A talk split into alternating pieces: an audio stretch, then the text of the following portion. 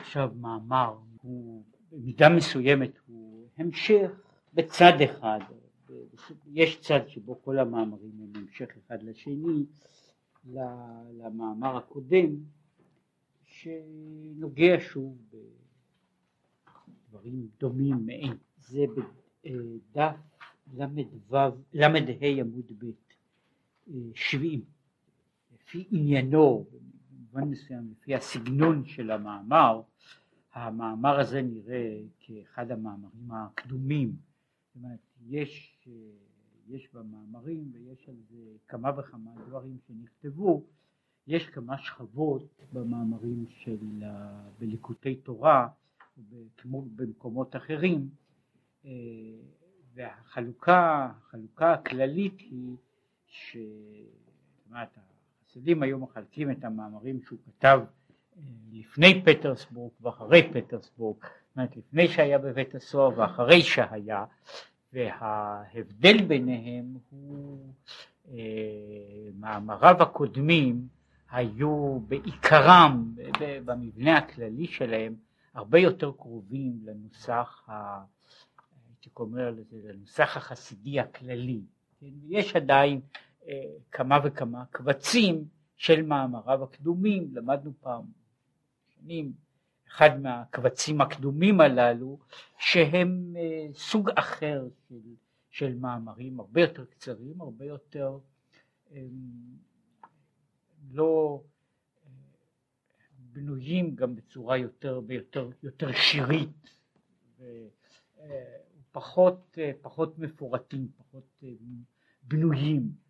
המאמרים שנעשו אחרי, אחרי כן, ויש בעניין הזה גם איזה סוג של התקדמות, הם נעשים הרבה יותר, נאמר, מורכבים, מורכבים, מובנים, ואינטלקטואליים במובן מסוים. כן? יש, זאת אומרת, יש, יש הבדל, הבדל ידוע. עכשיו המאמר הזה הוא בצד אחד אפשר לקרוא לו, הוא, הוא מאמר יחסית מהמאמרים הקדומים יותר ולכן גם, גם הסגנון וגם העניין הם אחרים ואחד ההבדלים הוא כמובן שהמאמרים, ככל שהמאמרים יותר קדומים הם יותר תמציתיים, הם פחות, הם פחות מבוארים, הם, אה, אינני יודע מדוע הוא שינה את דעתו, אבל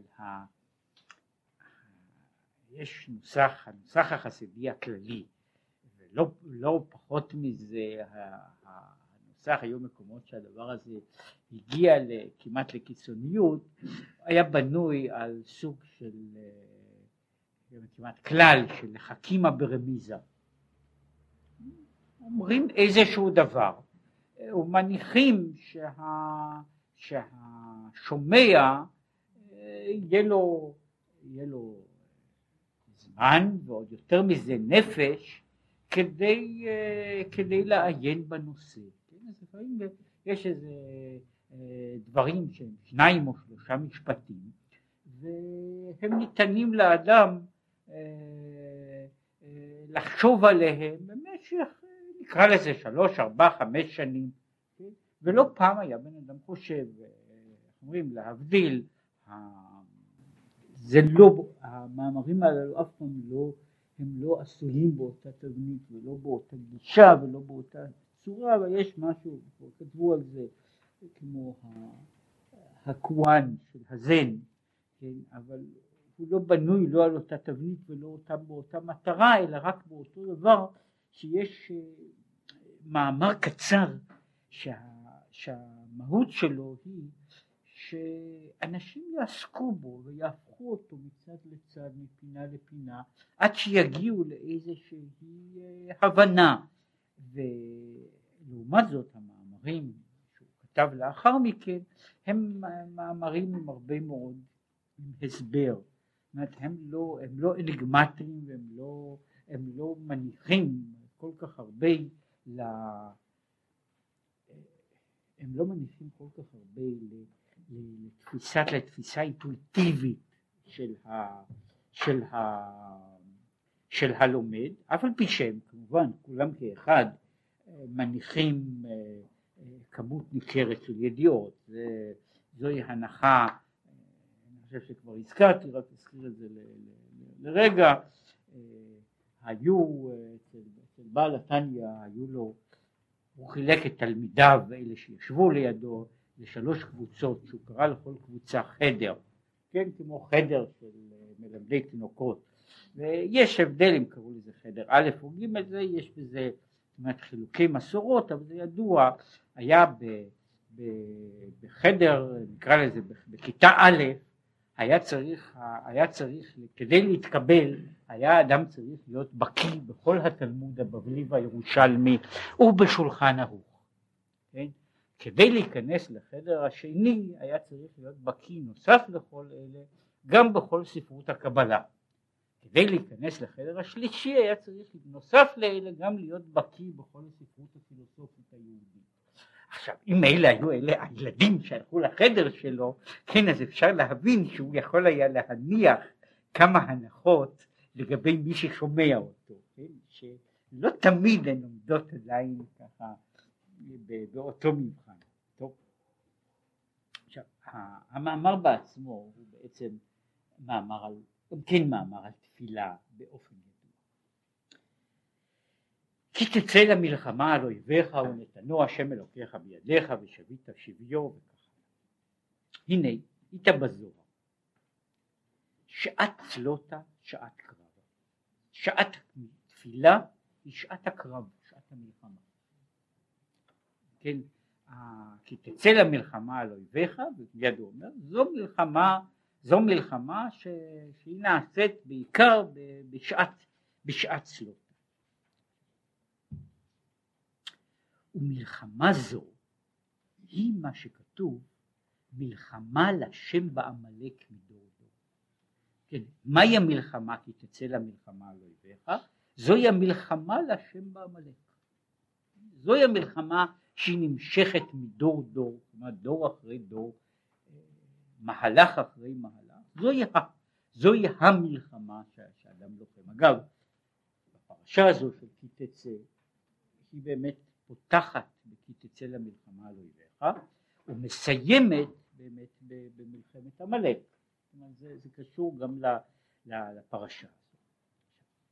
שבכל דור ודור ובכל יום ויום צריך להיות מלחמה זו בנפש האדם. כן? מלחמה להשם בעמלק מדור דור, כן הוא אומר זוהי מלחמת נצח. עד שימחה, אמחה את זכר עמלק מתחת השמיים, כן, עד אז המלחמה הזו היא מלחמה נצחית שהולכת ונמשכת ונמשכת עד עולם. זוהי המלחמה. כי בתוך ה... מדוע יש מלחמה? כי זה לעומת זה עשה אלוקים. וזה לעומת זה, ויש העולם בנוי מכתבים שעומדים בניגוד אחד לשני, זה לעומת זה, והם נמצאים לא רק ב, נאמר, בחוסר התאמה, אלא גם בניגוד עד כדי אה, אי אפשרות לחיות יחד לאמיתו של דבר. יש נפש לקדושה שיש בה מעשה, דיבור ומחשבה, מידות, אמוציות ושכל לקדושה. כי זוהי, זהו צד אחד, זה, עכשיו גם יש לעומת זה, וכנגדה, נפש החיונית הבהמית, שגם כן יש לה דיבור, מחשבה ומעשה. וגם לה יש שכל ומידות. אלא שאלה אינם של קדושה, ושתי, ושתי הנפשות הללו הם, הם התאומים הנצחיים. זאת אומרת, בן אדם נולד, במובן הזה, והוא מדבר על זה הרבה מאוד בתניא, אדם נולד תאום. והוא נולד אה, הוא נולד בה עם, עם תאומים כאלה והם אה, נאבקים ולכן כאן הביטוי זה, זהו הדימוי הקבוע כן רבקה שהרה ללדת הרה ויש תאומים בבטנה כן? ויש אה, מה שמתגלה לה וזה אגב חלק מן ההתגלות הזו של רבקה הוא חלק ממה שכתוב גם, ב, גם ב, ב, בתניא. אפשר, להגיד, אפשר היה לומר שהחלק הזה הוא כן מין גילוי מרכזי. רבקה והתרוצצו הבנים בקרבה. היא איננה יודעת מה קורה. אחת הבעיות שלה יש על זה גם דברים אה, בבדיחות ושלא בבדיחות אבל יש שם מאמר שמופיע גם במדרש גם בגמרא מדוע היא כל כך דואגת? מדוע היא הולכת לדרוש אלוקים? משום שכמו אה, שאומר כשעוברת ליד בית כנסת אז יעקב מפרכס לצאת. עוברת ליד בית עבודה זרה עשיו מפרכס לצאת. זאת אומרת ואז יש לה הרגשה של הכפילות של ה... של האישיות שאין לה, ש, שאין לה שום אחיזה, כן? יש לה, מה יש לה בבטן שם? דבר כזה ש, ש, שרץ גם לפה וגם לשם. אז השם אומר לה שני גויים בבטנך, שני לאומים ממעייך ייפרדו, ולאום ולאום יאמץ, כן? רב יעבוד צעיר. עכשיו, התשובה הזו היא בעצם אומרת מה, מה, היא, מה היא עושה, מה התפקיד שלה. התפקיד שלה בעצם היא פותרת לה את הבעיה. הכפילות איננה, איננה נעלמת, אבל הכפילות הזו איננה כפילות של הוויה, הוויה שלמה, הוויה, הוויה אחת שהיא בלתי מושלמת ושאין לה כיוון.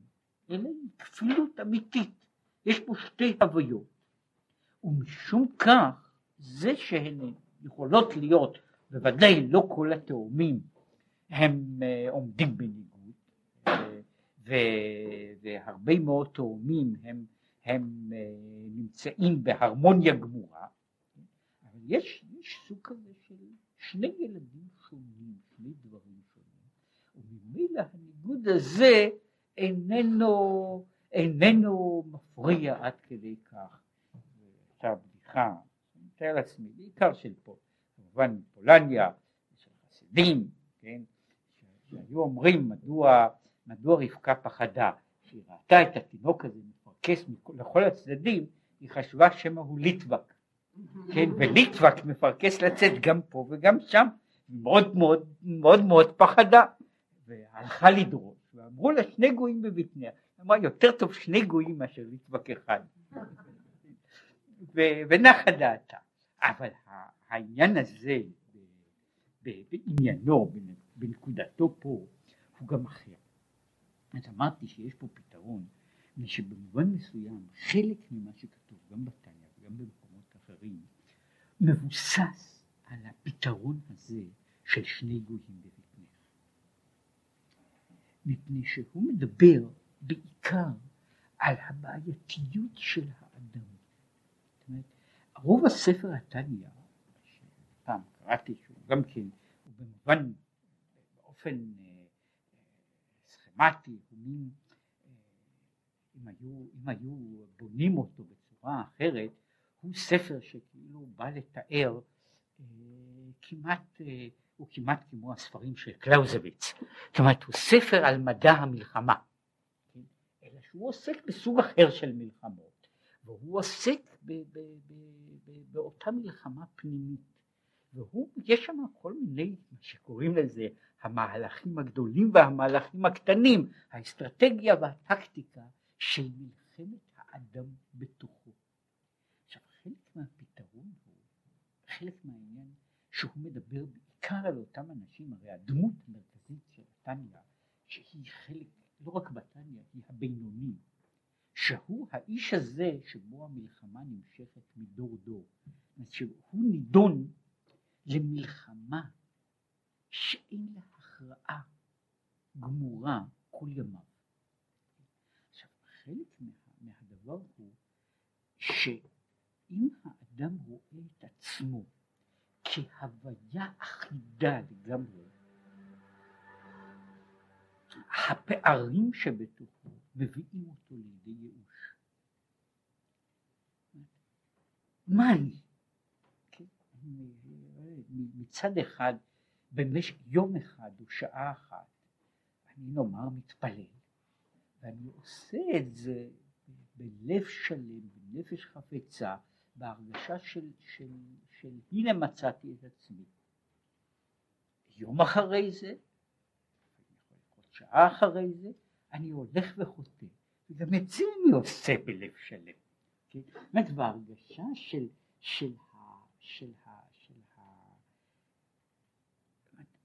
היכן אני נמצא, זו, זו, זו, זו, זו, בעיה, זו בעיה של, של שהאדם מתחיל להטיל ספק באותנטיות של כל הרגשה שלו. זאת אומרת, אם אני יכול להרגיש בשני עולמות שונים, אני יכול להרגיש את עצמי לפי שעה, בהתאמה, פירושו של דבר שמשהו לא בסדר אצלי בכלל. זאת אומרת שאני, ממה שקוראים לזה, מיסוד הדברים, ממקור הדברים, אני אדם רקוב. עכשיו, כשהוא מדבר הרבה מאוד, זה לא, זה לא חידוש שלו, אלא שהוא הוא בונה את הדבר הזה מעבר לניתוח, אה, אה, נאמר, אה, תיאולוגי כלשהו, אל הוויה אחרת, אז הוא אומר, האדם בנוי הוא באמת הוויה חצויה, שתי הוויות. שתי ההוויות הללו נמצאות במאבק, מפני וכל אחת מהן היא הוויה לעצמה, ומשום כך למרות ש, ששניהם הן אני, בצד אחר. אבל יחד עם זה, שני הדברים הללו אינם בדיוק אותה הוויה בעצמה. ולכן הוא למשל מדבר על זה, אחת, אחת הנקודות שהוא מדבר היא, היא בעיית הריאקציה. בעיית הריאקציה שהיא בעיה שאנשים שנכנסים אליה לדבר הזה מרגישים אותו מפעם לפעם. כן, הוא מדבר על זה, אני יכול לעמוד בדבר שבקדושה, בהרגשה שבקדושה, ואז כמעט בלי להרגיש שום דבר, פתאום עולה בדעתו משהו שהוא ההפך הגמור מכל מה שהוא עכשיו נמצא. ועכשיו, מה, מה קורה? מה קורה?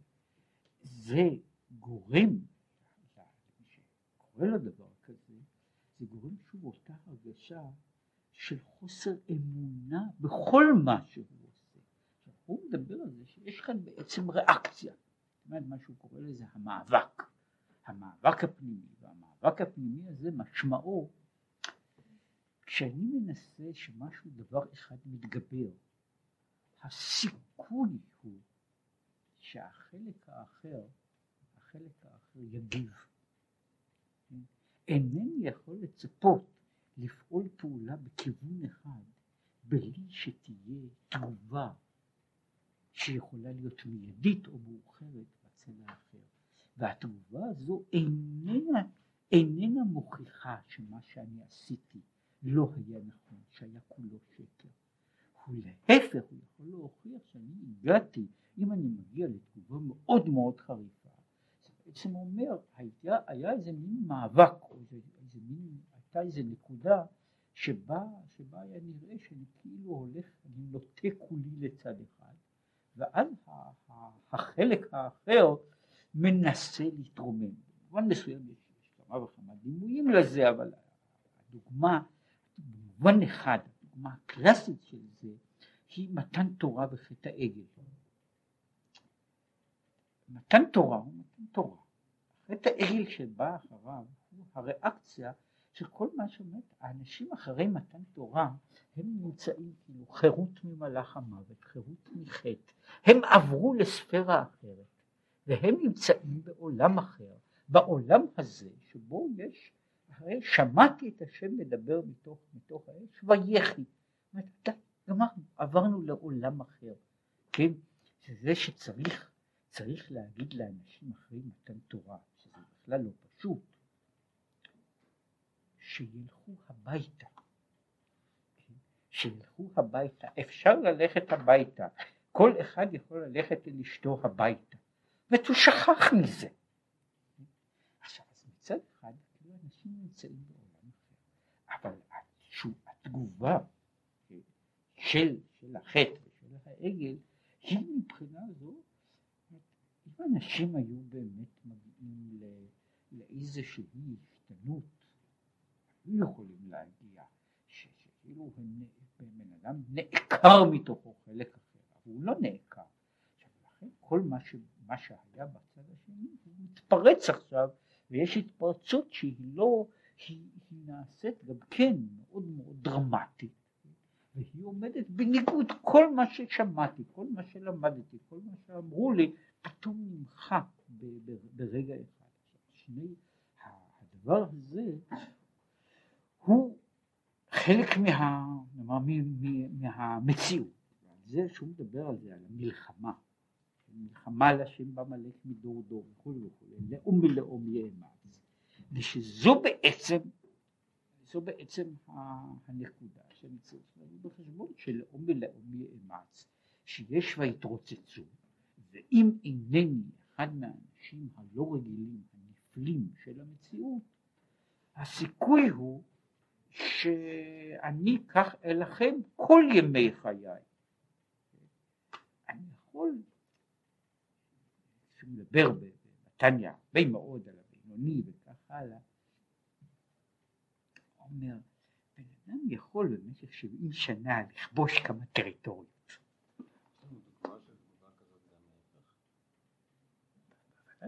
יש הרבה אנשים שברגע שבן אדם שמגיע לאיזושהי נקודה, מגיע לאיזושהי נקודה, ונדמה לו שזה, זה, זה, הוא הגיע לתחתית הירידה, כן, כן, הוא, זוהי נקודה שבה, שבה בן אדם, בן אדם קופץ, יש הדוגמה שאותה מביאים הרבה פעמים בתלמוד, כן, זה סיפור עם כל הפרטים על, על מי שקוראים לו רבי אלעזר בן דורדיה, אבל זו דוגמה, אחת הדוגמאות, כן, היה אדם כנראה גם עשיר, ש, ש, שהיה מבלה את ימיו במעבר מזונה לזונה, כן? ו, ו, והוא ככה מגיע לאחת מהן, ככה צוחקת, אתה איש גמור, אתה לא יכול לחזור. ואז מופיע התיאור הזה, איך שהאיש הזה הופך את העולם, כן? והופך את עצמו בתוך, בתוך ההרגשה, מפני שהוא חשב, הוא כאילו מגיע למין מקום כזה, של האיש הזה הוא גם, הוא כבר כולו בצד אחד, כן? הוא הגיע לקצה האחרון של, של בצד אחד, ושמה, כן? זאת אומרת שפתאום הוא, זה, זה מגיע, יש התעוררות כזו שהאיש נשרף בתוכה? אגב זה קרה פה ושם גם לאנשים אחרים, זאת אומרת שבן אדם כאילו הולך, הוא הולך והולך והולך, ובסוף הוא מגיע לאיזושהי נקודה שבה אה, זהו הקצה האחרון.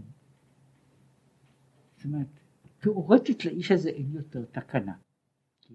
הוא הגיע לקצה האחרון של ירידתו, ובקצה הזה אז מתעוררת איזושהי ריאקציה.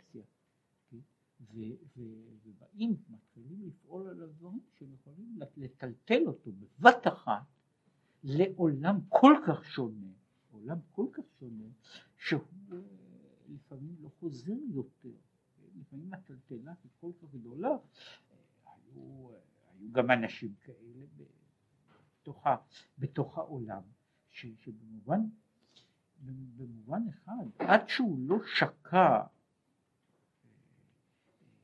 עד עומק ניכר מאוד, הוא לא יכול היה להגיע לאיזושהי תגובה, זה נמשך והולך, ורק אז, שפתאום זה נלחץ, שמגיע למעשה מה שמופיע אגב גם בתניא, שהוא דוגמה לא כל כך, לא כל כך אה, רחוקה, למרות שהיא עומדת על צד אחר, האנשים ש... שהוא מדבר על זה שמתו על קידוש השם. אבל הוא לא מדבר על אנשים שמתו על קידוש השם, על, אה, על, אה, על הרשימה, יש רשימה ארוכה של קדושים שמתו על קידוש השם. יש לנו. אה, יש מכתב מוזר, מישהו התכתב עם שפינוזה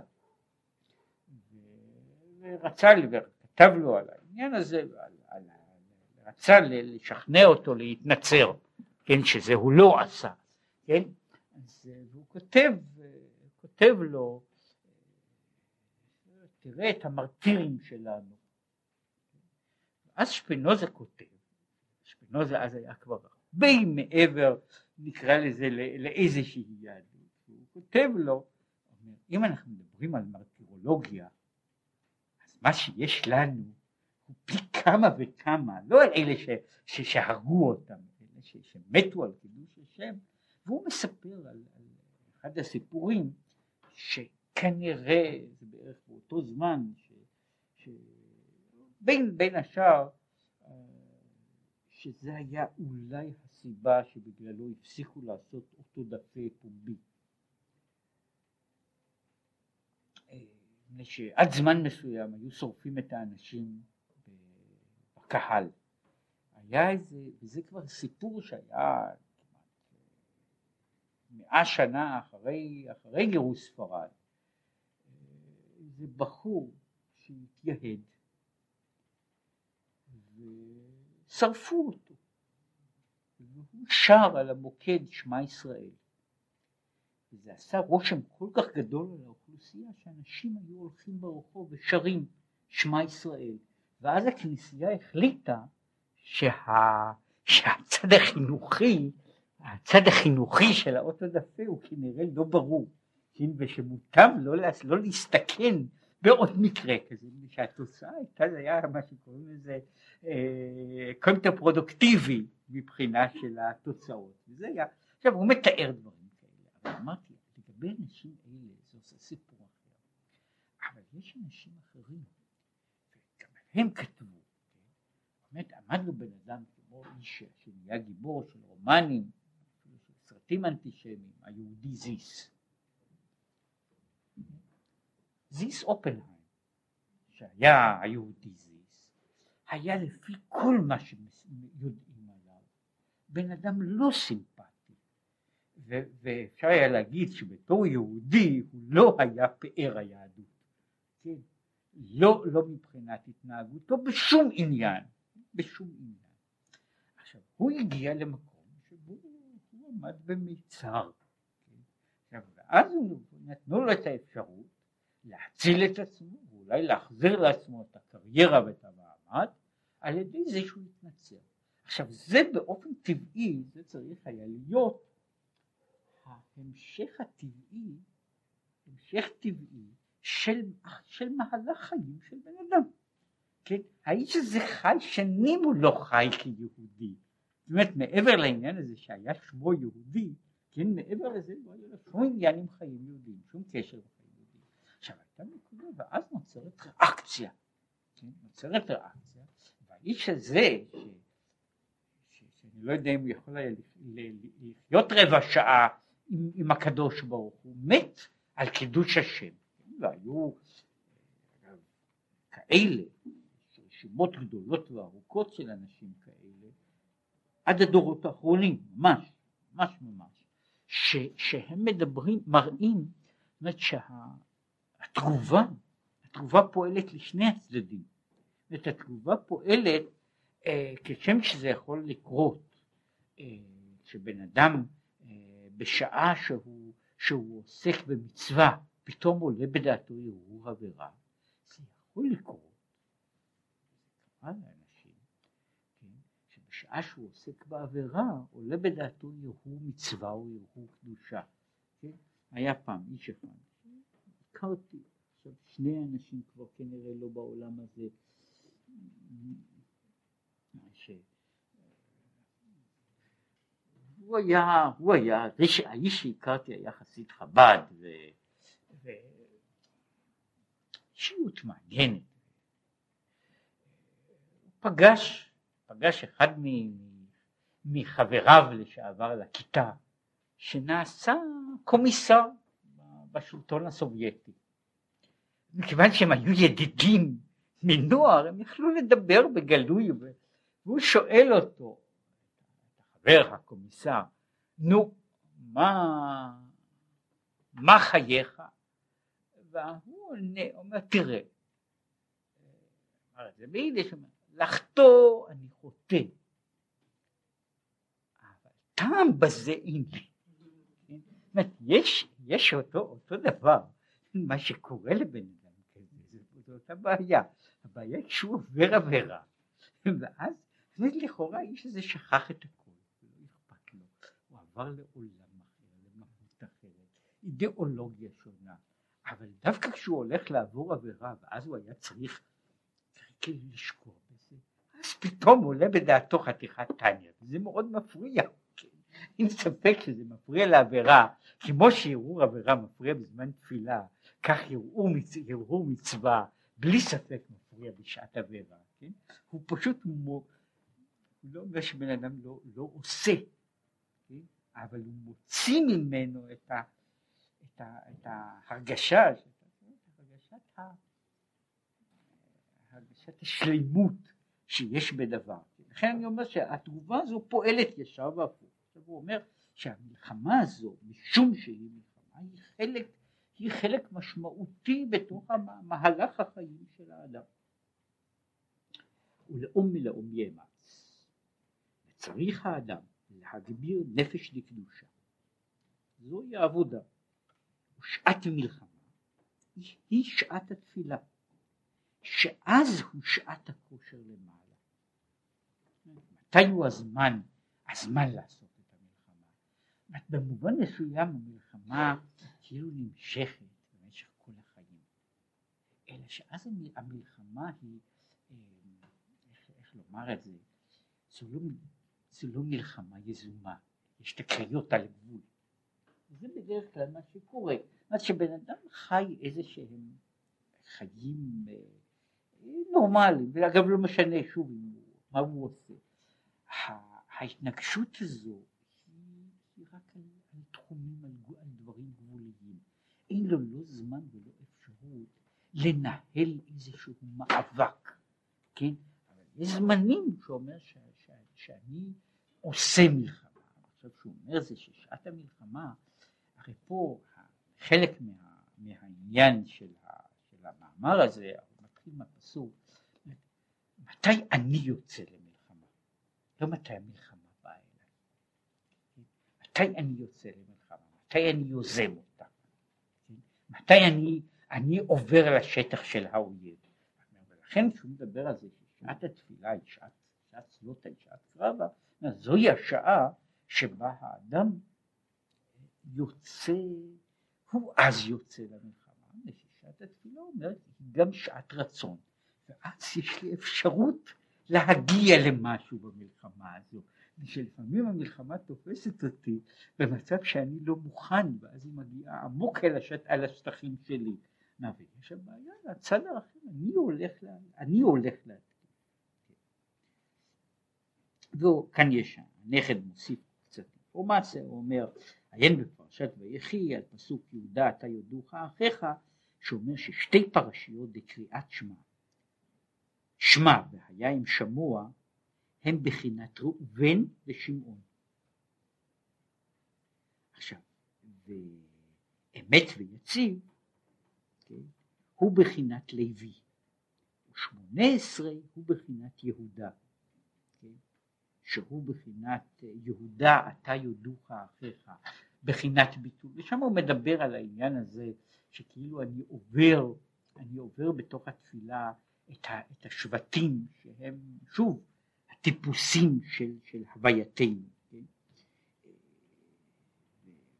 ויש לומר, ולכן זמן קריאת שמע והזכרת יציאת מצרים שהוא אמת ויציב הוא עד סוף שלוש שעות נגד שלוש בחינות של ראובן, שמעון ולוי, ותפילת שמונה עשרה עוד ארבע שעות, בחינה רביעית, בחינת יהודה?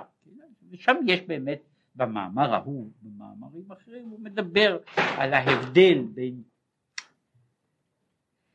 קריאת שמע, אמת ויציב, שמונה עשרה, כל, בצדדים השונים שלו. עכשיו חוזר פה, והנה,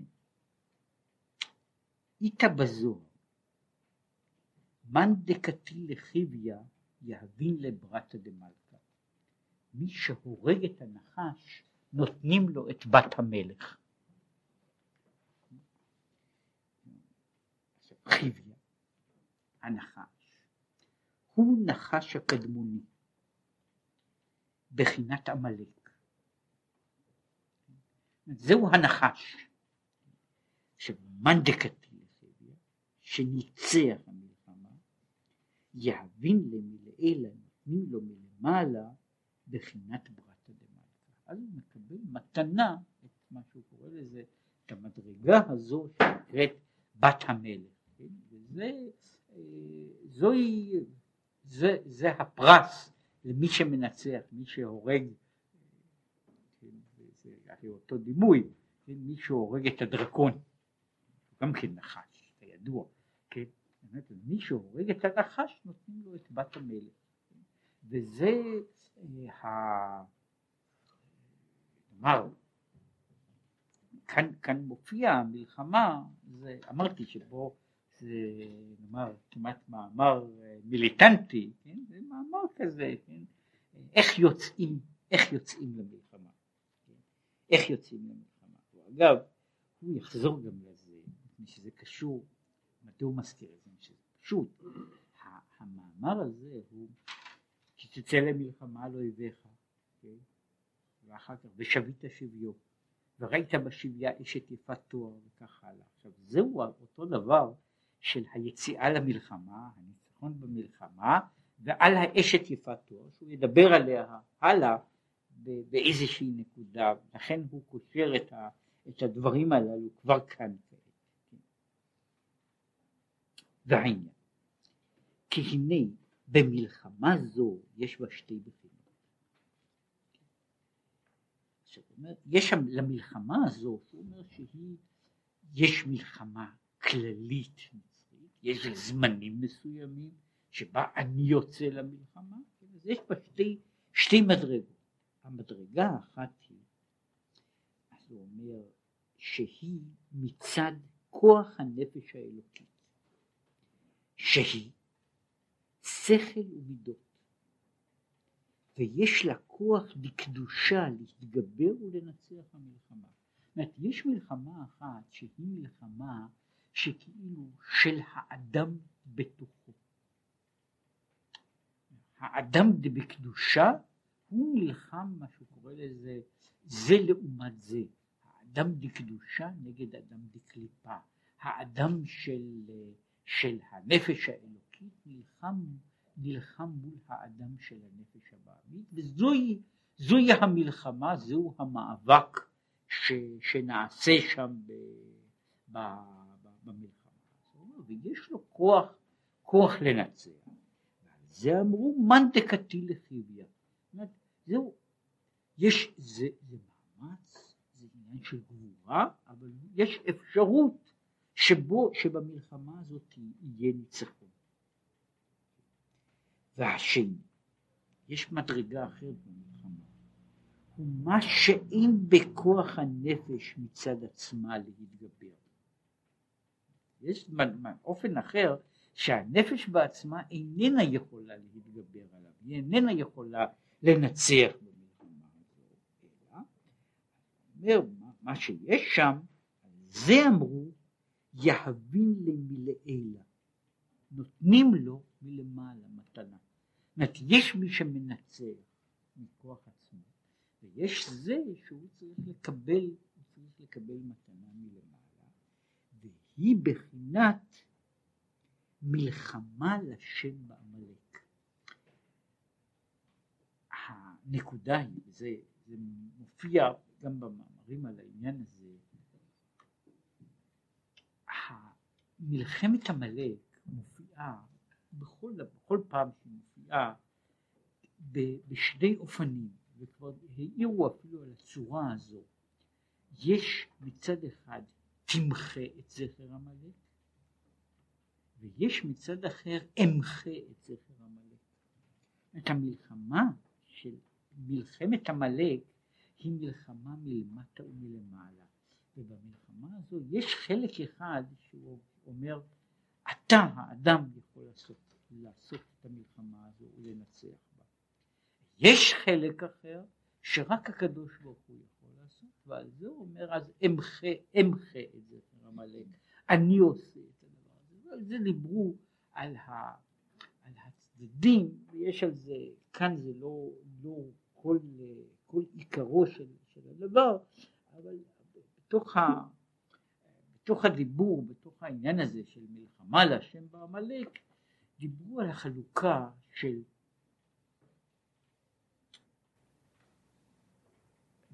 יש דברים מסוימים שהאדם יכול לנצח בהם. הניצחון הוא לכאורה בחלקים הפשוטים והגלויים יותר. זוהי מלחמה שהאדם יכול לנצח. אומרת האדם יכול לנצח במלחמה במובן הזה שהוא קובע נאמר בתוך מלחמתו בעצמו הוא קובע לעצמו דרך חיים מסוימת. זה הוא יכול לעשות. האדם יכול לקבוע בעצמו איזה סוג של חיים הוא מנהל, הוא יכול לקבוע בעצמו איזה סוג של דברים, באיזה אופן של חיים הוא חי, הוא יכול לקבוע ב, לעצמו מה הוא עושה בבוקר ומה הוא עושה בערב. יש צד הרבה יותר פנימי למלחמה, וזוהי הבעיה, בן אדם יכול להגיע למצב כזה שהוא מבחינת המעשה ומבחינת העיסוק, אפילו מבחינת איפה עכשיו הוא חי, הוא פתר את, ה, את הבעיה בצד אחד, אבל את הבעיה הפנימית, כל, המה, את כל התשוקה הפנימית, את הרציות הפנימיות, הוא לא פתר בכלל. זה מה שיש, התיאור הזה הוא דבר, הוא דבר שיכול להיות, הוא יכול להגיע אפילו לצדדים קיצוניים, זאת אומרת שהאדם עומד במובן מסוים זה התיאור של הבינוני, שוב בצורה גסה, כן? זה בן אדם שהוא צדיק מבחוץ ורשע מבפנים, אבל לא במשמעות הזו שהוא צבוע, כן? אלא במשמעות של, זאת אומרת, הוא חי, חי, פועל, מדבר וחושב כצדיק.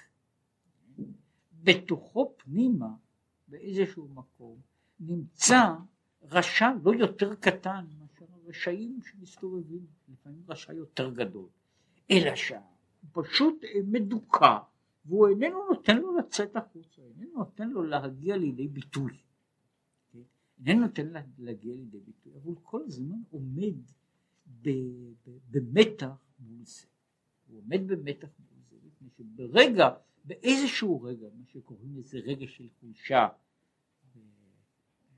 בתי המשפט, אני חושב.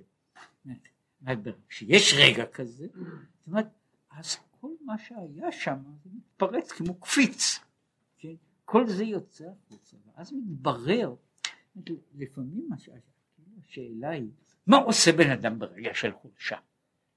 אז יש מישהו שברגע של חולשה, כן, אז במקום נאמר ככה, אה, אה, במקום, אה, במקום להמתין במקום להמתין בין, בין הבשר והחלב שש שעות, אז גבר עליו יצרו והוא אכל, הוא אכל חתיכת גבינה רבע שעה קודם.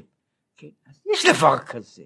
עכשיו, יש אנשים ש, שברגע של חולשה הוא עושה מעשים כאלה שלא רק שאדם הגון לא עושה אותם, אלא שאני מתפלא איך בן אדם בכלל יכול להעלות בדעתו דברים מגונים ומכוערים ונוראים כאלה, כן? עכשיו, מדוע? שזה זה שהוא חי חיים מסוימים, כן? זה לא אמר שבתוכו פנימה לא היה משהו כזה. יש עוד מלחמה, מלחמה לשם בעמלק, שמגיעה פנימה. לשטחים יותר, יותר פנימיים שבן אדם מגיע למצב שבו באמת דברים כאלה לא יכולים, לא, עם זאת, עם זאת ואחרי זאת, בדקויות של, של של עצמו, לשלוט ב... בהגדרות האמיתיות, לזה באמת גמורה, בחלוקה של, של טוב ורע. יש החלק הזה, הגלוי לעין, במובן אחד, זאת שהבן אדם עושה דברים אחרים, לא עושה דברים אחרים. הקושי הגדול, הוא נעשה בכל פעם יותר גדול ככל שהאדם הוא יותר מעמיק בתוכו. הקושי הגדול הוא שהאדם אדם נמצא בתוך, והוא בכלל איננו יודע אם מה שהוא עושה הוא מצווה או עבירה. זה לא כל כך פשוט. כשבן אדם בא לנקודה כזו שבה הוא צריך לבדוק את המוטיבציות למה ומשום מה ועל ידי מה שם מגיעים לנקודה ששם האדם איננו יכול להגיע לפתרון שלם. שם מתחילים סיבוכים ושככל שהוא נכנס פנימה יותר ועמוק יותר אל תוך עצמו הסיבוך נעשה, נעשה גם כן מורכב יותר, מסובך יותר. בתוך העניין הזה אין לו, אין לו עצה אלא מה שקוראים שהוא מקבל מתנה מלמעלה. מבחינה זו יש המלחמה להשם בעמלק, כן, שהיא המלחמה, את הפתרון, פתרון של אמת, פתרון גמור, הוא לא יכול להיעשות בתוך, ה, בתוך המציאות של מה שקוראים המציאות של, של המלחמה העצמית. נמשיך פה הלאה, ש... וביאור עניין, קצת משהו בביאור של הדבר. הנה ברתא דמלכא בת המלך היא מה שקוראים נקודת ציון. שוב, יש ציון, מה שהוא קורא לזה בנקודת ציון,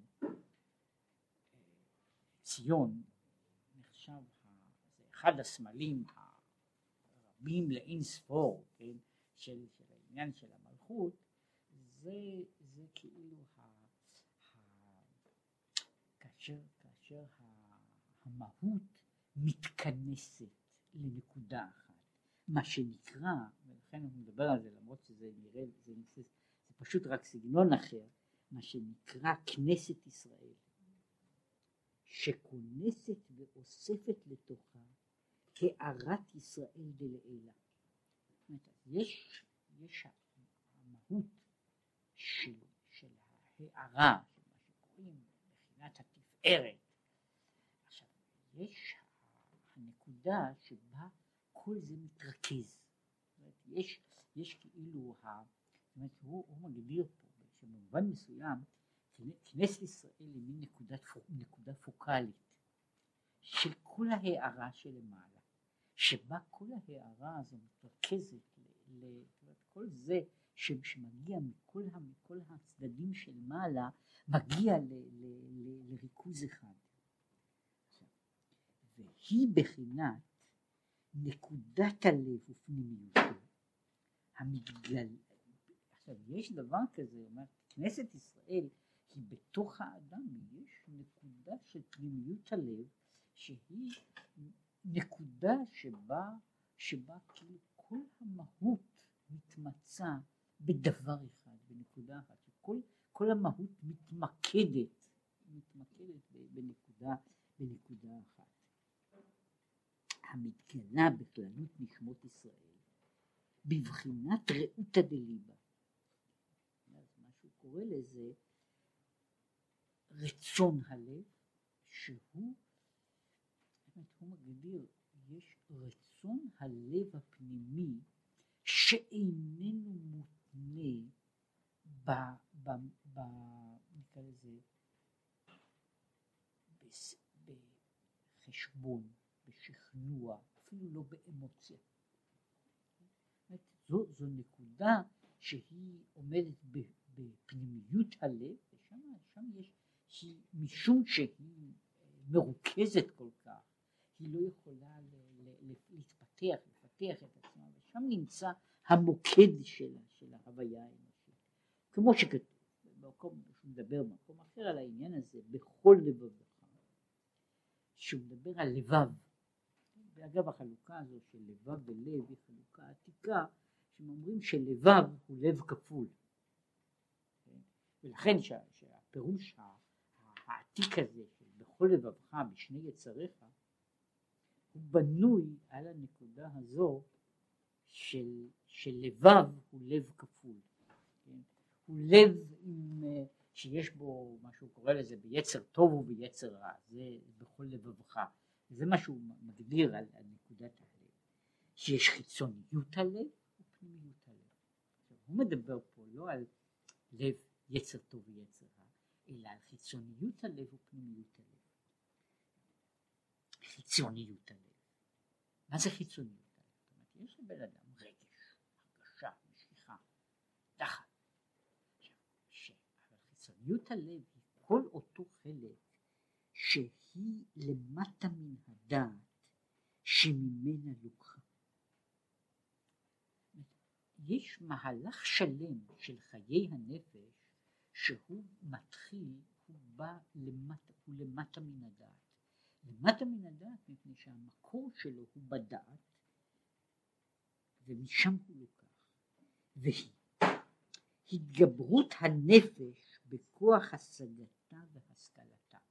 יש דבר של הנפש שהיא מגיעה בכוח ההכרה או בכוח ההשגה או בכוח ההשכלה שלה שהיא מגיעה לדברים. זאת אומרת יש תחום שלם שמה שהיינו קוראים לזה כמעט חיי הנפש המודעים, שהם פועלים ביסודם על בסיס, שקוראים לזה בסיס רציונלי, זה יהיה רק הגדרה לא נכונה, הם פועלים על בסיס עקבי, שבו הדברים עוברים מן ההכרה, מן ההכרה אל ה...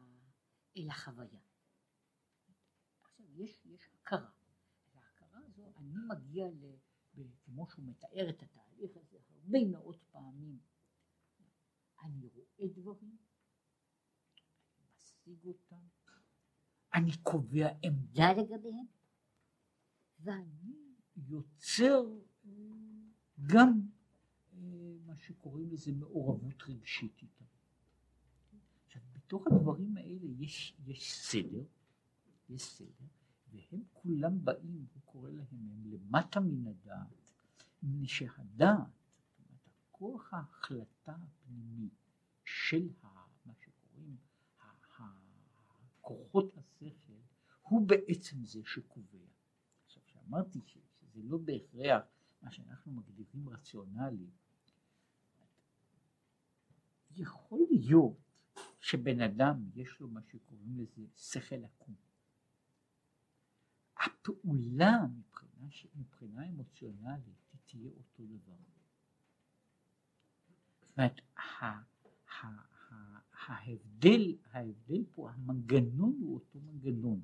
גם אם היה פה איזשהו פגם, אינטלקטואלי או אחר, המנגנון יפעל אותו דבר.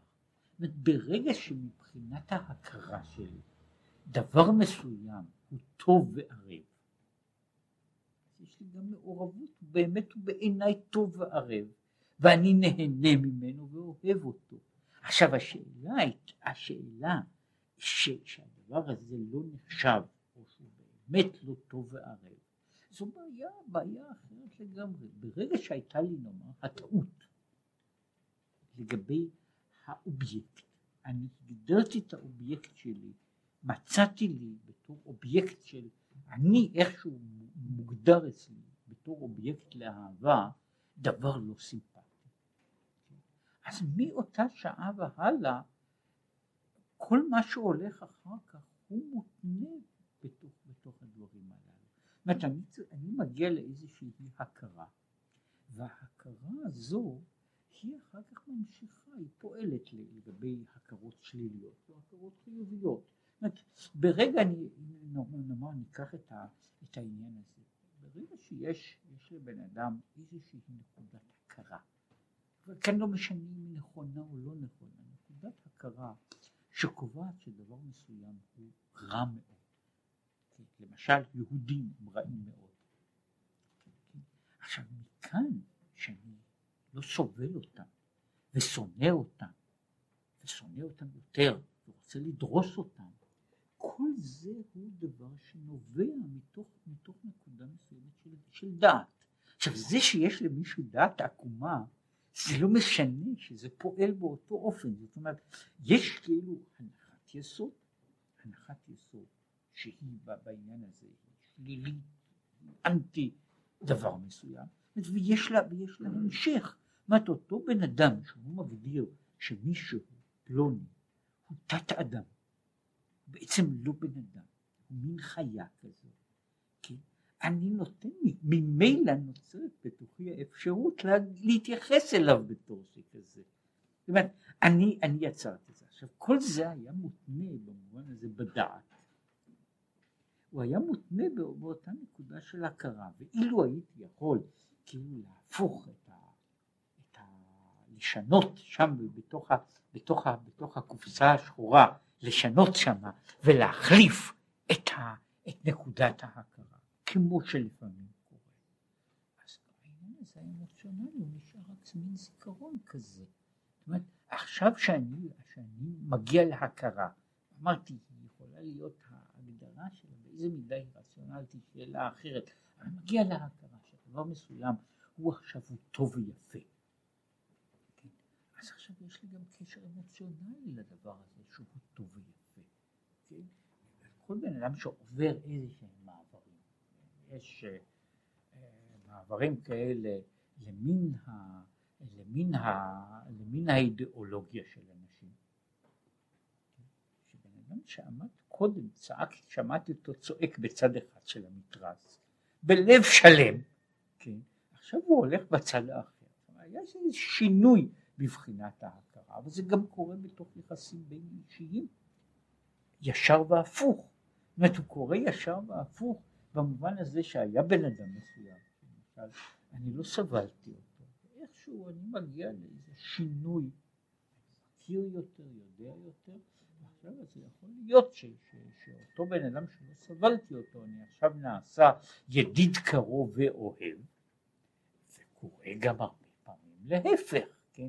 אומרת שמה שהיה הייתה, הייתה באיזה, עכשיו כל זה הוא, דבר, הוא בגדר הדברים שהוא מגדיר אותם שהם בבחינת ובסדר ובגדר הם למטה מן הדעת, משום שהם נקבעים אחרי שיש קביעה, קביעה מסוימת, שאני בעד או נגד דבר, יש אחר כך השתלשלות עד לתחום הזה של התגובה, התגובה, התגובה המעשית, התגובה הרגשית וכל וכל מה שהולך. זה מה שהוא קורא חיצוניות הלב.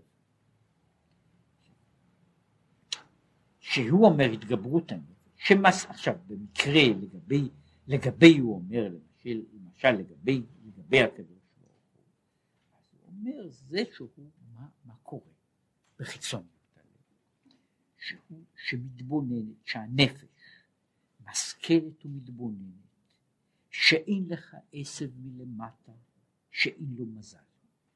לכל עשב, לכל דבר, יש מהות גבוהה יותר, שהיא מקור החיים שלו, וגבוה מעל גבוה, וגומר עד רום המעלות, וככה, והוא רואה שבן אדם מסתכל נקרא לזה בהיררכיה של המציאות, שלכל דבר במציאות יש לו מהות רוחנית שהיא המקור שלו, ולמהות הזו יש, יש שוב הלאה והלאה עד אין קץ. ומקור וראשית כל ההשתלשלות והתהוות החיות הוא וברוח פיו כל צבאם, ואתה מחיה את כולם. אז עכשיו, כשבן אדם, כשבן אדם מגיע ל... ל הוא מתבונן בזה, בבחינה שהוא מגדיר את זה, פה יש עכשיו מאמר מוסגר, הוא כתיב, ראה, נתתי לפניך היום את החיים ואת המוות. שבכל דבר נברא יש בו בחינת מוות כל דבר יש בו חיים ומוות, שהמוות הוא גשמיות הדבר וחומריותו, והחיים היינו הרוחניות שבו. עכשיו הוא מגדיר ככה, שעל ידי זה ובחרת בחיים, זה ההמשך של הפסוק, ובחרת בחיים לאהבה את השם אלוקיך כי הוא חייך, שהוא חיי החיים ברוך הוא ומקורה וראשיתא דכולה, והכל נגדו בבחינת מוות. אז יש צד כזה, שהוא הוא, הוא אחד הדברים, זה מין תוואי אחד של התבוננות. האדם מתבונן בגדולת, בגדולת השם, אבל לא מתבונן גדול, הוא מתבונן בשם בתור חיי החיים. שבכל דבר יש לו חיים, ולחיים הללו יש גם כן חיים. זו, זו בערך הנקודה. מה שהוא מדבר על זה, יש לנו בצד אחד את, את מה שהיינו יכולים לקרוא לו החומר הגס, שהוא החלק ב' של הדבר, ויש חלק החיים של הדבר. עכשיו חלק החיים של הדבר הוא מה שזהו הדבר ש... מה שמושך אותי, ש, ש, שאליו אני הולך וכך הלאה והלאה. עכשיו לחיים הללו יש חיים. עד שהוא מגיע אל המקור הראשון שהוא חיי החיים, זה מה שהוא אומר שמשהו בחרת בחיים, זאת התשוקה הזו, מה שקורה, מה שקורה לאדם זה לא נאמר הבריחה מתוך העולם, אלא ההאחזות אל, אל מה שהוא קורא לזה, הוא, הוא מגיע פנימה ופנימה יותר אל החיים.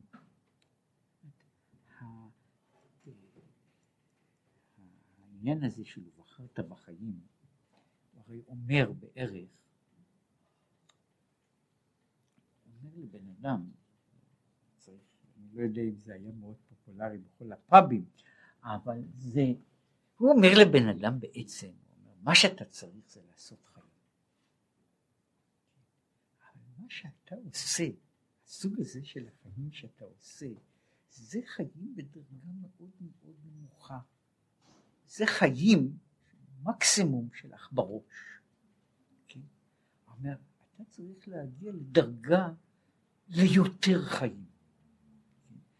כל מה שיש שם, של בחרת בחיים, כל ההתבוננות שיש בזה, זה לא התבוננות אסקטית. כן? זו התבוננות של בן אדם שהוא רוצה יותר חיים, לא פחות חיים. ובחרת בחיים, הוא לא בחרת בטוב. הוא לא הבחירה בטוב לרע. הוא בחירה של של, של החיים, זו, זו, זה מהלך אל החיים. כי, אלא הוא אומר אדם הולך ומתבונן בזה, הוא מגיע עד, ל, עד לקדוש ברוך הוא בתור, בתור כעמך מקור חיים. עכשיו ולכן כל, כל המהלך הזה, כל המהלך הזה שממנו יש כל מיני שינויים בתוך הנפש, הוא מהלך של התבוננות, זאת אומרת זה מהלך של גילוי שהאדם מגלה זה ב, ב, ב, באופן מסוים זה בן אדם זה כאילו אני הולך אני הולך בעקבות בעקבות הנחל כן? הולך והולך עד שאני מגיע אל המעיין כן? זה בעצם המהלך הזה זהו אני איך אני מגיע אל המקור עכשיו ההליכה הזו, אני לא הולך רק לפתור את החידה, כן? אלא אני הולך לפתור כל מה שיש לי שמה, יש לי שם את מה שקוראים לזה, את המים המעורבים, עם הלכלוך, עם כל זה שיש למטה בנחל. ואני רוצה להגיע למקור, כן? אני רוצה את, את הדבר הזה בעצמו. כל זה הוא מהלך אחד. כל זה אומר, זה שייך לחיצוניות הלב, מפני שזה עניין של, שיכול האדם להגיע אליו על ידי התבוננות. זאת אומרת, ההתבוננות שלו התבוננות, הוא משתמש בדבר שהוא אחד הדברים הכי בסיסיים, זה הרצון לחיים. הוא אומר שהרצון לחיים, כשאדם מתבונן בתוכו, הוא מביא אותו לתפילה, לעבודה, לעבודת השם, בתור כחלק מהרצון הזה. הוא רק עניין של התבוננות הנפש, האדם נכנס לתוך זה, הוא מתעמק בתוך הדברים, והוא אז מגלה, זאת אומרת, הרי בצד הזה הוא כאילו היה אומר, האנשים האלה שעושים חיים, זה כמו הבן אדם ששואלים אותו איפה יש מים, אז הוא אומר בברז, כן? זה נכון, זה נכון שיש מים בברז, כן? אבל זה לא, זאת אומרת אם אני שואל מאיפה באים המים, מאיפה באים המים, לא רק כשאלה, כן, הם באים, הם עכשיו באים אצלי, הם באים מתוך, מתוך הברז. עכשיו מי שלא רוצה להסתפק רק במים של הברז, כן? אז אני הולך, אני ההתבוננות שלי היא בעצם לעבור מעבר לברז, לעבור מעבר לזה אל, אל המקור. עכשיו, וזו העניין של ההתבוננות. עכשיו, זה לא, זו סוג אחד, זה תוואי, איך בן אדם מתבונן, מה הוא עושה בתפילה, מה הוא עושה בתפילה, חוץ מאשר להגיד מכאן עד כאן, מה הוא עושה?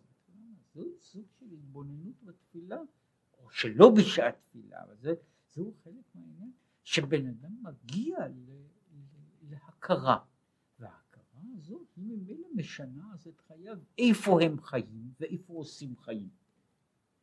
עכשיו ממילא זה, זה פועל אצל אדם בצורה, בצורה, בצורה מעשית ובצורה נפשית, בצורה, בצורה אחרת, איך החיים שלו יהיו, אבל זה תלוי כדי שזה יהיה, שזה יהיה פשוט בשבילו, זהו העניין הזה של ה... של ה... נכנס עמוק יותר בתוך אותו דבר בעצמו. זה מה שהוא אומר, אופן אחד שהוא אופן העבודה של המלחמה, שהוא קרא לזה המלחמה, בן אדם מתפלל, מה הוא מתפלל? הוא מתבונן עכשיו בגדולת השם. יש, יש כל מיני אופנים, זה היה תוואי. אני מתבונן ומגיע לקשר מתוך האופן הזה. אני מחפש את החיים. וכל התפילה שלי היא החיפוש הזה של החיים. והוא יוצר ממילא בתוך האדם, בתוך, בתוך ההרגשה שלו באותה שעה, ובתוך מה שהוא פועל הלאה, יוצרת שינוי. זה היה אופן אחד איך עושים את הדבר הזה, שהוא מה שעדיין קורא האיש הזה שמנצח לוחם נגד הנחש.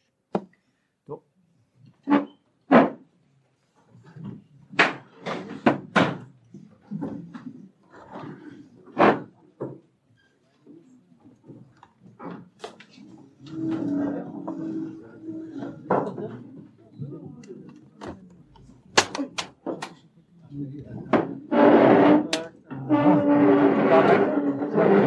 כבדה. יש בטח. לא, אם יש להפך. סידר לך מקום. כבוד.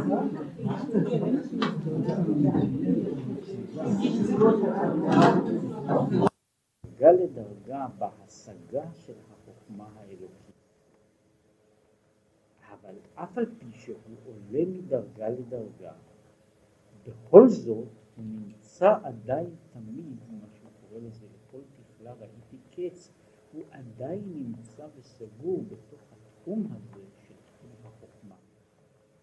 אל מעבר לו הוא לא יכול להשיג, אל מעבר לו הוא לא יכול להגיע, ולכן זוהי תכלה שיש לה קץ. ככל שהיא יכולה לעלות סובייקטיבית מדרגה, דרגה אחר דרגה, אף על פי כן, לכל תכלה יש איפה הוא הקצה האחרון? זהו השלב של חיי העולם הבא, שאז הוא אומר, יש מנוחה, מפני שזהו הקצה האחרון שבו, אני, שבו האדם מגיע למגע עם העין בעצמו, שהוא אילו בכלל, הוא לא נכנס לגבולות, הגדרות של גבולות של קץ. ושם הדבר הזה, זה מה שהוא אומר, רחבה מצוותך מאוד, מעבר לתכלה ולכלות הנפש של כל חיי, חיי גן עדן.